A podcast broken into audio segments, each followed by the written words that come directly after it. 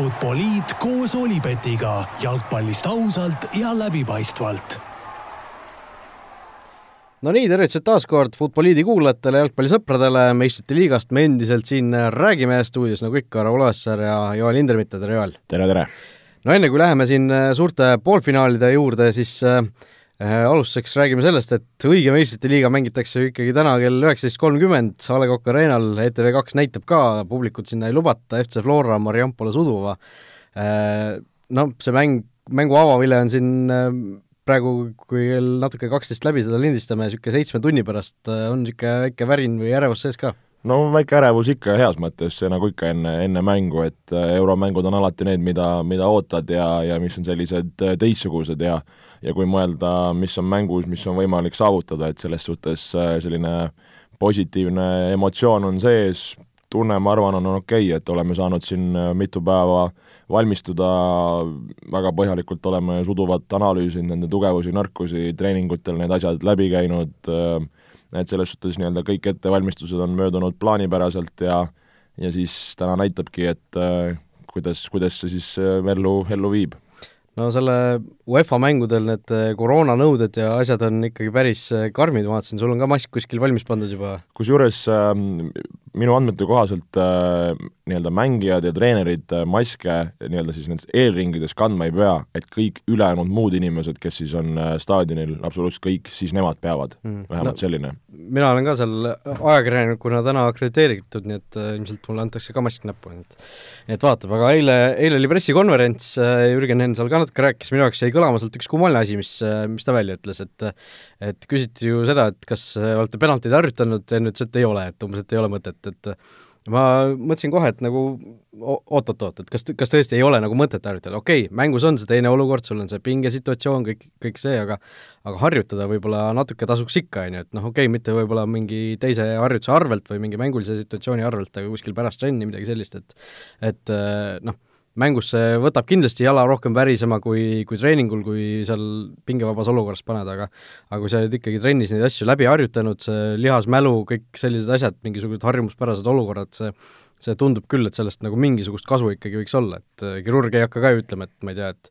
mis on ikka varem valmistunud päris inimese peal, on hoopis teine asi, et äh, ikkagi harjutatakse neid asju ju nii-öelda kuiva trenni tehakse ikka läbi. no eks äh, pärast trenni tegelikult äh, ründavad mängijad tihti jäävad seal lööma nii karistuslööke, penalteid, et neid kordusi nad saavad, et ei ole päris nii, et ükski mees pole pool aastat trennis penaltit löönud, et et selles suhtes saab, aga, aga jah, no treeningul on raske seda, seda võistlusmomenti, võistlusärevust nagu tekitada, mis, mis tegelikult päriselt on, et kes, kes sellisel tasemel jalkat mängida on, siis noh, nagu, nagu Jürgen ütles ka, et trennis lüüa on üks asi, edasi, aga seal, kus sul on edasipääs äh, nii-öelda õlgadel, no seda sul on väga raske nii-öelda trennis forsseerida sellist momenti, kui sa just seal oma maja või autot panti ei pane, et et selles suhtes äh, jaa. okei okay,, nii et loodame, et äh, täna otsustatakse asi ikkagi varem ära, ei ole siin penaltite peale vaja, vaja minna, see tavaliselt on selline noh, öeldakse mõnes mõttes õnnemäng, ta tegelikult eks ju seal on palju rohkem asju sees, aga aga soovime Florale edu, Eesti, klubide võidud eurosarjas on alati alati toredad, aga läheme vaikselt edasi meistrite liiga siis äh, poolfinaalide juurde. kas teadsid, et Olipet pakub parimat mitmikpanuste diili Eestis? esimene poolfinaal äh, eile peetud sai, eile õhtul RB Leipzig ja Pariisi Saint-Germain mängisid, äh, no Leipzig seal null kolm kaotuse sai, suhteliselt kindlalt ikkagi BSG edasi läks mingis mõttes oli justkui selline kuidagi igav või pingevaba mäng meistrite liiga poolfinaali kohta. jaa, ütleks, ma arvan, võib-olla kõige sellisem pingevabam ja, ja ja võib-olla ongi, nagu sa ütlesid, igavam kogu kõikide nende meistrite liiga mängude peale, mis me näinud oleme seal, seal nüüd, kui see asi uuesti käima läks, et et ma arvan, see, miks see sel-, sedamoodi läks, oli lihtsalt see, et BSG tuli väga konkreetse sihiga ja, ja mängis Leipzigi igatpidi üle ja, ja kindlasti selle esimese poolaja need väravad olid need, mis,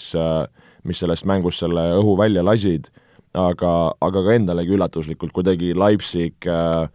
nagu veidikene nagu kergelt alistus minu jaoks, et äh, nagu me rääkisime ka, et oleks nagu uskunud või, või arvanud, et äh, et Leipzig suudab võib-olla veidikene rohkem hambaid näidata, aga ma arvan, BSG üldine meeskondlik sooritus, selline üldine äh, võistkondlikkus ja kogu see mäng oli lihtsalt äh, nii heal tasemel, et äh, Leipzigi võistkond ei suutnud siis sellega nagu match ida,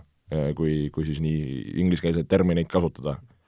No mulle ka tundus mi-, mingis, mingi külje alt justkui, et BSG mängis väga hästi, samas minu arust ka Leipzig läks nagu natuke lati alt läbi enda, enda mõistes, et et oli nagu mõlemalt poolt natuke sellist noh, üks nagu noh, ma ei tea, kas BSG ületas ennast, pigem isegi ei ületanud, ma arvan, nad mängisid enda taseme hästi välja lihtsalt. Nad mängisid nagu väga, väga hästi, ma arvan, selle välja ja, ja tegelikult kui see nagu, okei okay,, Leipzig on jäänud kaugele, nad on jõudnud äh, põhjusega nii kaugele, aga, aga kui BSG mängib oma parimat mängu, on väga keskendunud ja, ja teeb seda asja hästi, siis noh, paratamatult see tasemevahe tegelikult ju on sees, et äh, me tahame uskuda, et seda võib-olla ei ole või, või et Leipzigil on šanss,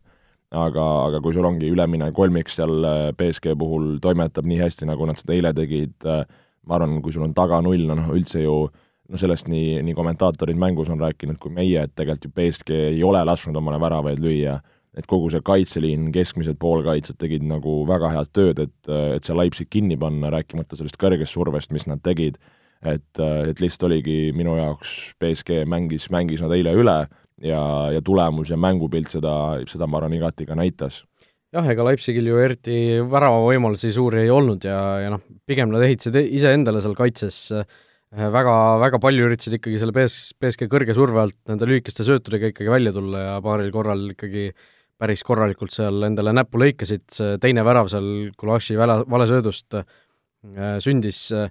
noh, Di Maria selle värava endale sai, aga rääkisime siin enne, kui mikrofon käima ka läksid, et et see Neimari puude või assist ikkagi uskumatu. jah, kui natukene seda Gulaši valesöötu, et äh, nagu sa ütlesid, et Leipzigi mängujoonis on selline, et mängida lühikest söötu, proovida sealt survelt välja tulla, et see on nende filosoofia olnud ja ja selles suhtes äh, muidugi sa pead leidma selle tasakaalu, kas mängida pikka, proovida lühikest vastavalt vastase tegutsemise peale, aga, aga tihti me näemegi, et võistkonnad tahavad jääda oma filosoofiale nagu kindlaks ja siis nad ongi, et kas nad purjetavad sellega lõpuni või, või kärssavad sellega. Et äh, eilse põhjal võib öelda, et Leipzig veidikene nagu kärssas, aga samas, kui nad oleks hakanud seal pikka tampima, noh et kas see oleks ka aidanud, et seal tulebki leida see selline filosoofiline ja taktikaline tasakaal, et äh, mida valida. Ja noh, kui rääkida sellest, et väravaht eksib,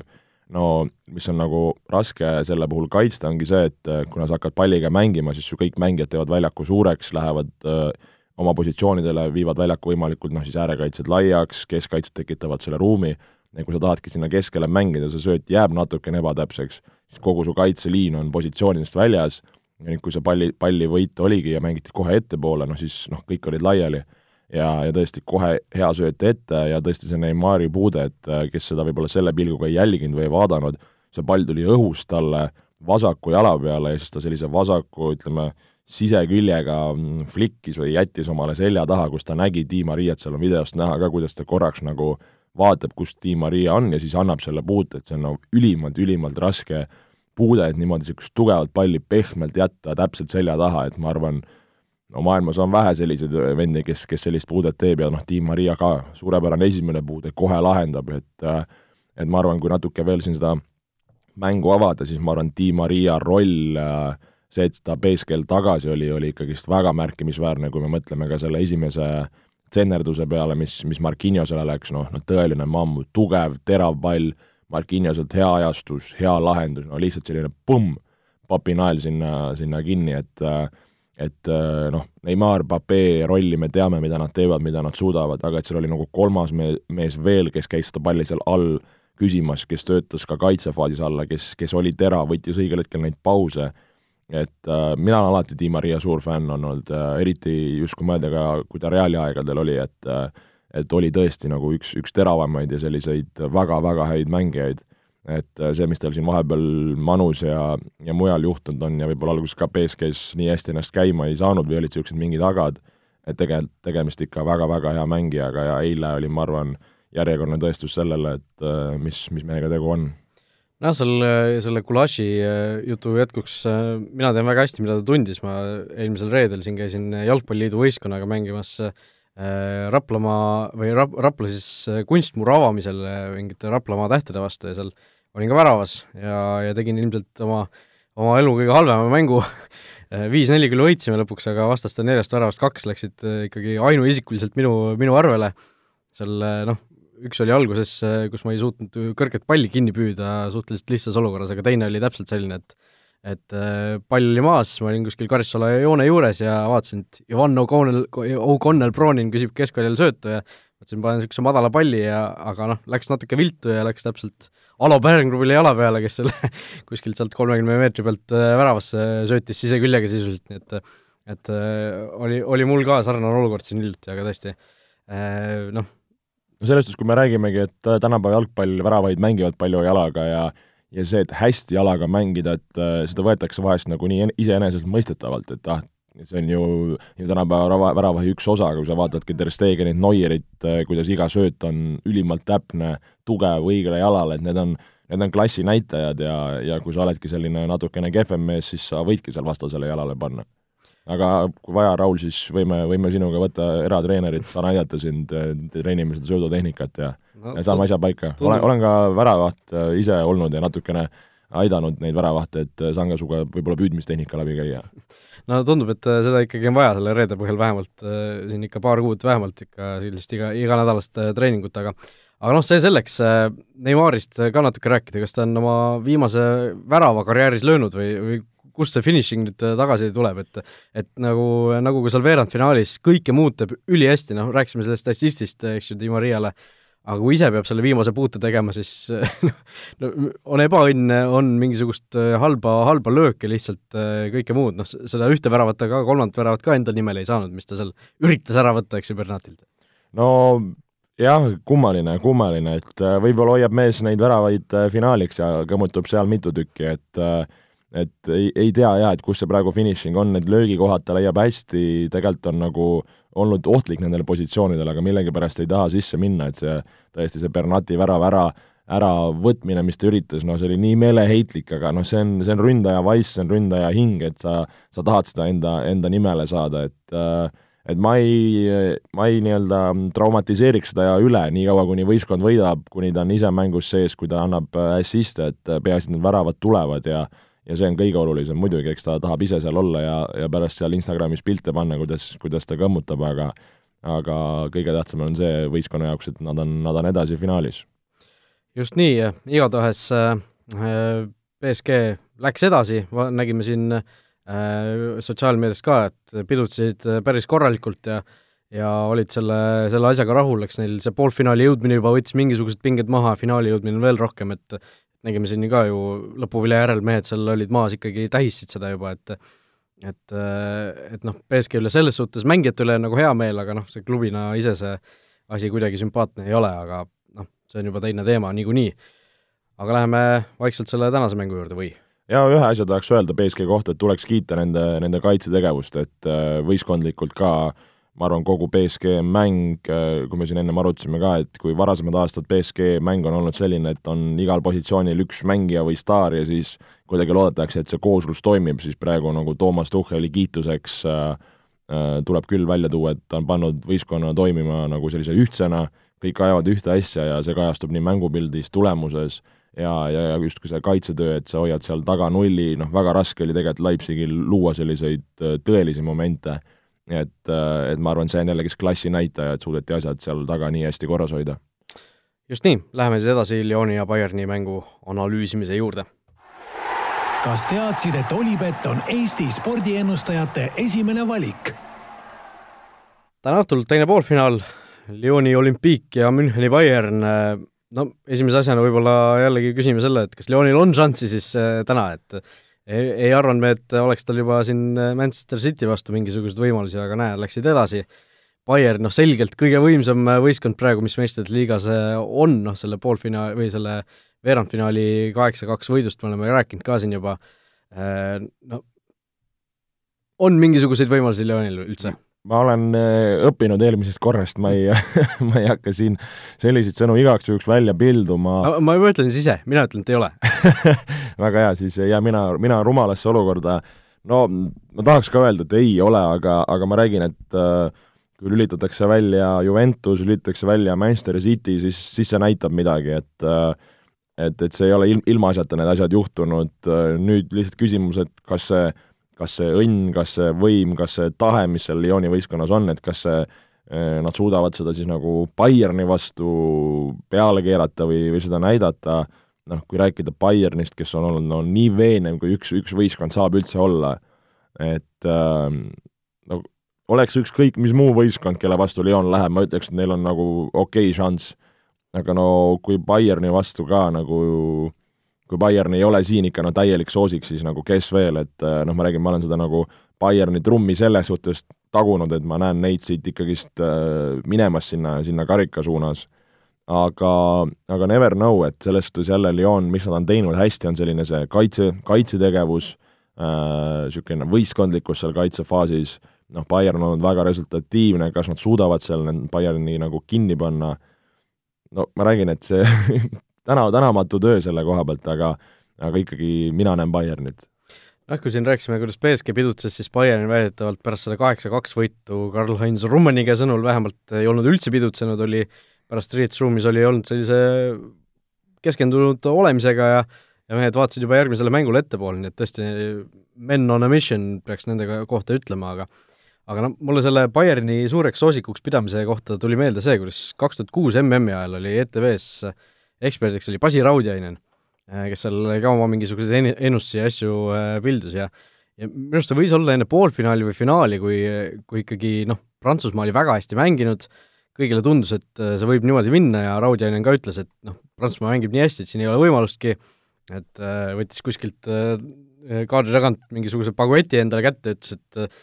see pra-, prantslased ikkagi lähevad maailmameistritiitli peale välja ja ja, ja noh, mul on selline tunne, et kui keegi on nagu nii suur soosik, siis seal midagi tavaliselt juhtub nendega. no see on jah, niisugune täpselt sinna sisse kirjutatud see mingi aga või mingi asi, kus siis nagu kõrbetakse täielikult ja kõrbetakse just seal viimasel hetkel, et tegelikult päris huvitav nagu mõttekäik, et äh,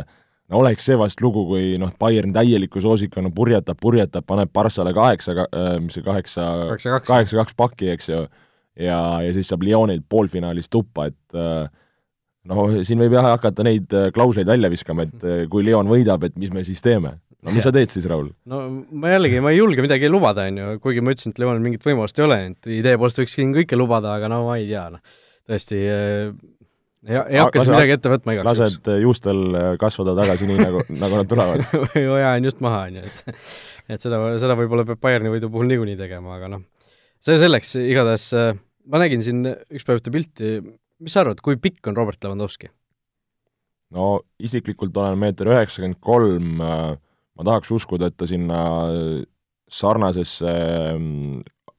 pikkusesse on võib-olla nõksa lühem, äkki ma ei tea, üheksakümmend, üheksakümmend üks.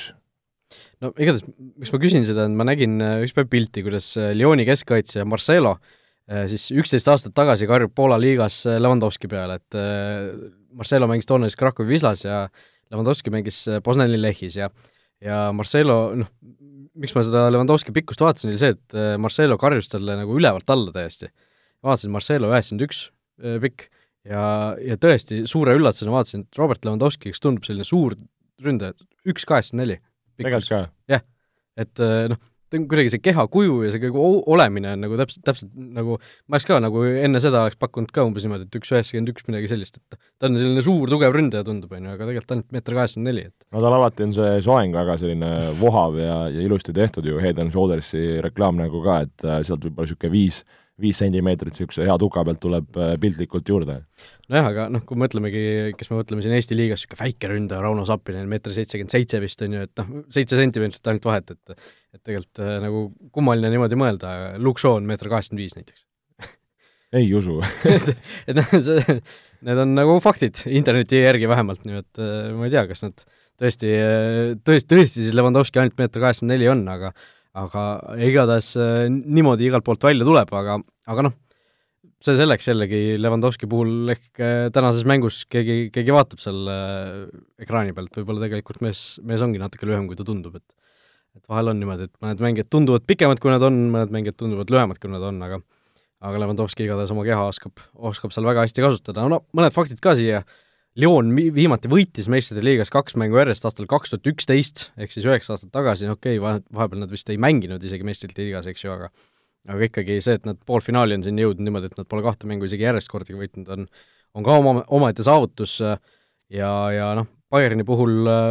mis võiks nende kahjuks rääkida justkui faktidest, on see, et viimase nelja poolfinaali,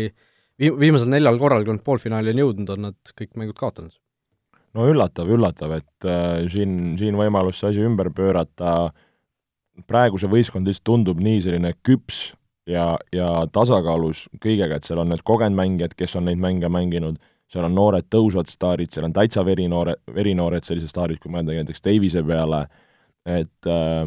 et, et nagu tiitlit võita, et nagu meistrite liigat võita, sul peavad nagu kõik sellised, ma arvan, nagu rollid ja, ja asjad nagu paika loksuma, et äh, et praegu nagu tunduks selles suunas, et, et Bayern on nagu tervikuna nagu nii hästi paigas, et seal ei ole niisugust ühte nõrka kohta ja, ja just see, see ründe, ründe power, mis neil on, see tundub nagu nii vinge, et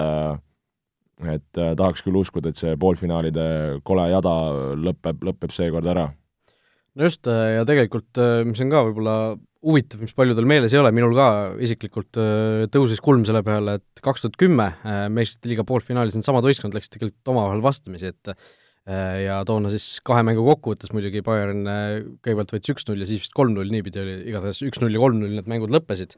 ja noh, vaatasime siin natuke koosseise ka, et Bayernil siiamaani alles näiteks Toomas Müller sellest koosseisust ja, ja ka äh, ja ka David Alaba, äh, kes, kes toona mõlemad siis äh, mängu said, Alaba ju vaid kaheksateistaastaselt või isegi toona oli see vist seitseteist veel, et äh, tal on sünnipäev seal jaanipäeval, et et selles suhtes võib-olla need mehed natukene seda vastasseisu mäletavad, aga aga eks seal Lyoni koosseisus oli ka huvitavaid nimesid tegelikult, Hugo Lori oli väravas, seal Sissoko, Bumsong olid kaitses, mängisid, eks ju, ja Michel Bastos, äh, Silvian Kovu, Lisandro Lopez ja vahetusest tuli kahekümneaastane Miralem Pjanic näiteks, nii et oli selline ka põnev, vahel on tore vaadata neid niisuguseid vanu koosseise ja meenutada, mis seal no viska siis juba mõni äh, pun-, selle Bayerni nimi ka, kes seal oli ju, Miroslav Klose. Klose tuli vahetusest sisse, Schweinsteiger mängis, Robben mängis muidugi, äh, Van Bommel oli kapten seal, Van Buiten, Patstuber mängisid, Philipp Laam, Diego Contento, selline mees oli veel olemas ja ja hat-trick'i seal äh, Lyonis peetud mängus lõi Ivica Olic, selline mees, nii et mees, kes kunagi seisma ei jäänud. jaa, et kes äh, kogu aeg seal oma sellise veidra soengu ja punase näoga jooksis edasi-tagasi, nii et ja noh, väravaid oskas lüüa, nii et aga noh, selliseid mehi Bayernil kasutada ei ole, aga on vaata et veel paremad tüübid, kaks tuhat kümme ju Bayern äh, võitis lõpuks meistrite liiga, tuletan meelde, nii et kui viimati Lyoniga mängisid meistrite liigas, siis võitsid, nii et selliseid fakte saab ka siit leiutada välja, aga no ennustus täna õhtuks, mis skooriga Bayern siis võidab? ohohoo, no ma räägin, et see Lyon on nii selline jokker, et, et see, see muudab selle elu raskeks, noh, kui ma olen seda Bayerni trummi tagunud, võib-olla kuulajatel juba kopp ees, siis äh, taon seda edasi, no ei tahaks uskuda, et nüüd selline väravafestival tuleb nagu, nagu Bai-, seal Barca vastu, aga samas noh, poolfinaal äkki on veidike kinnisem kui sul vahepeal turgatab endale pähe, võid juba, juba rünnata selle skooriga. no kolm-null, mina ütlen kolm-null, see tundub nagu niisugune, et Bayern lööb, no Leon ei saa kätte ja no umbes nagu see eilne mäng oli. ma kardan, et midagi sellist võib olen nõus, tunduks, tunduks nagu sarnane, ma mõtlesin kolm-ühe peale, et äkki ikkagi Leon sellise üllatajana saab, samas Bayerni kaitsetegevus, noh, seal on ikka nii kiired mehed ja nii, nii head mehed taga, no ma lähen, lähen kolm-ühe peale, läheme kolm-ühe peale. okei okay,, ühesõnaga Bayern, Bayern saab edasi finaali Power Rankings ka meil tegelikult ju veel endiselt käib, seal on kolm võistkonda küll endiselt ellu jäänud, aga aga vist äh, muutusi selles suhtes ei ole, et Bayern ikka number üks, BSG number kaks ja Lyon siis number kolm, nii et